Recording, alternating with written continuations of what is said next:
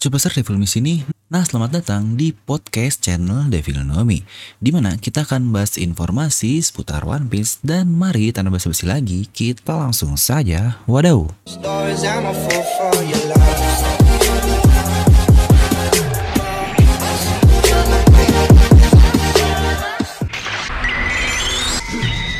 Oke kali ini seperti biasa kita akan membongkar tuntas One Piece di chapter terbaru yaitu di chapter 1024 Di mana untuk cover nggak perlu dibahas lah ya karena berisi karakter dari Popularity Poll versi 2 saja yang bisa digabungkan dengan chapter lalu. Nah di sini kita masuk ke halaman utama dulu. Sejujurnya banyak sekali hal menarik dari perkataan Usopp ini.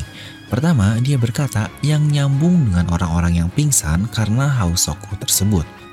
Dan dia juga bilang bahwa itu adalah ulahnya. Yang kedua, dia menyebut dirinya sebagai Usohachi sang pemburu makhluk buas atau Beast Hunter. Oke, kita akan bahas dulu yang pertama. Ini adalah kebohongan kedua Usopp terkait dia yang mempunyai Hausoku no Haki. Dan jika kalian ingat, pertama kali dia bilang punya Hausoku Haki adalah ketika di Green Beat di depan para suku kurcaci Tontata bahwa guncangan besar itu adalah ulah dari Hausoku no Haki miliknya ini. Yang padahal pertarungan itu adalah antara Torao, Doflamingo, dan Fujitora. Di situ juga dia bilang bahwa dialah yang memingsankan 50.000 anggota Fishman.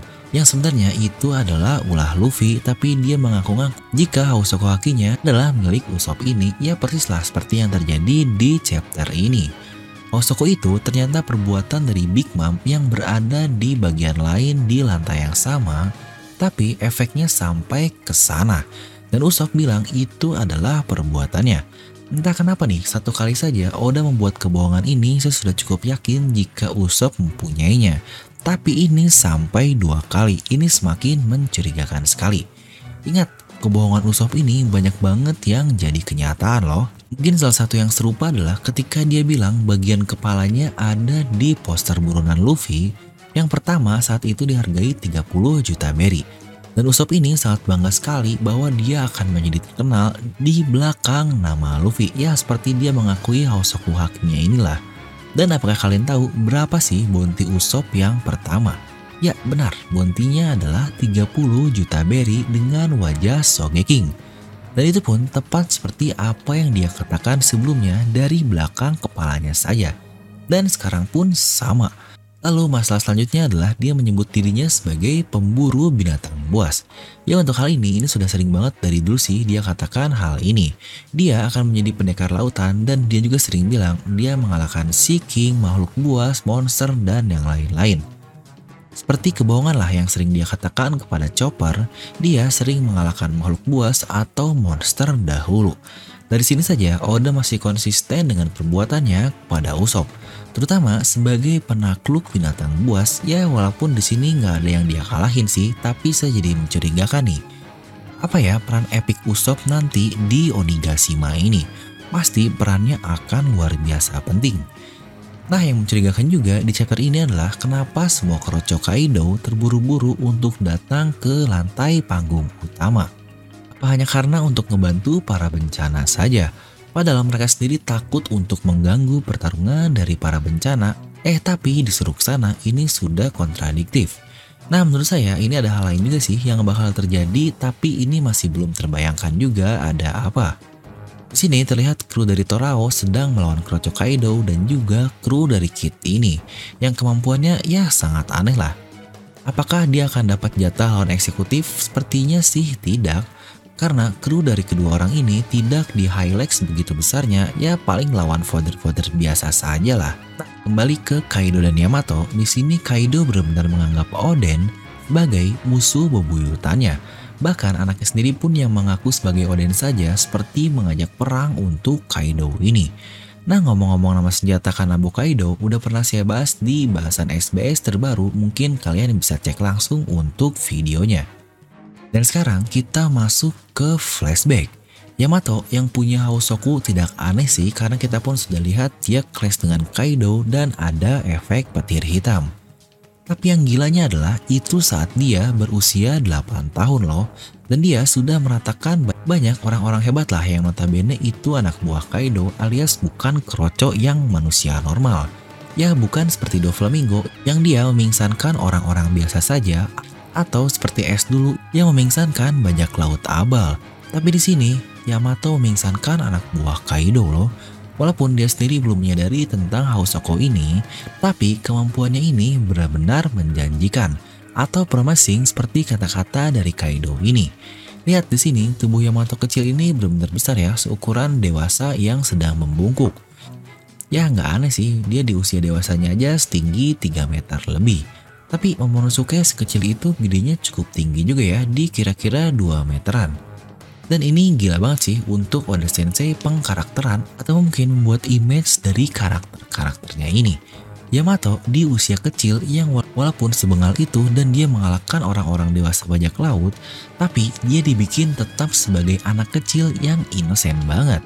Masih takut akan kematian, masih terpaku kepada ayahnya yaitu Kaido. Apalagi waktu dia kelaparan ini benar-benar bikin karakter anak kecil banget nih untuk Yamato. Di mana di sisi lain banyak serial lain yang masih kecil aja udah dewasa banget. Dan akhirnya malah menyelamatkan dunia. Ini bener-bener waduh. Nah ngomong-ngomong tentang Kaido, waktu mudanya gagah banget ya, mirip banget kayak Katakuri untuk stylenya. Lalu mengenai keenam pedang yang Kaido tancapkan itu sebenarnya cukup mencurigakan sih. Itu pasti bukan pedang abal-abal.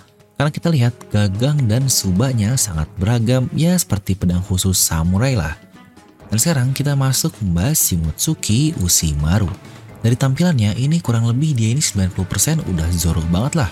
Nih Zoro 1, ini Zoro 2, dan ini Zoro yang ketiga. Benar-benar bisa kita bilang secara fisik saja ini dia sudah pasti orang tua Zoro karena mirip banget.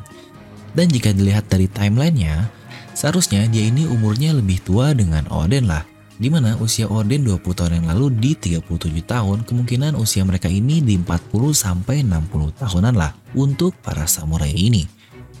Karena selain alasan mereka bilang 20 tahun ini terlalu lama untuk mereka, mari kita coba lihat ketika Oda menggambarkan Zoro di usia 40 dan 60 tahun.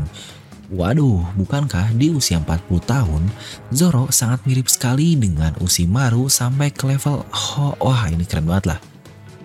Ya sebenarnya untuk hal ini pernah saya bahas di video khusus tentang Zoro tapi mungkin akan kita coba rekap dikit nih.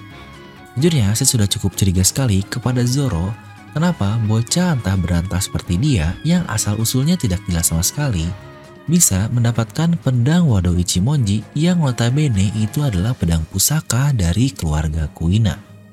Jika Zoro ini hanya rival dari Kuina saja, itu sangat tidak masuk akal sekali kenapa Kaushiro memberikannya. Di mana di video tersebut saya berkata bahwa Kaushiro ini merasakan ada yang berbeda dari Zoro dan dia mempunyai ambisi yang mirip dengan Shimotsuki Ryuma leluhur dari Kaushiro ini yang sesama juga satu klan Shimotsuki. Eh akhirnya terkonfirmasi juga lebih jauh bahwa Ushimaru adalah keturunan langsung dari Ryuma dan dia sangat mirip dengan Babang Zoro. Jadi secara nggak langsung dapat kita bilang dia ada kemiripan lah dengan Ryuma sudah seperti jalur lurus. Ya tapi cobalah kita anggap hal itu masih belum jelas.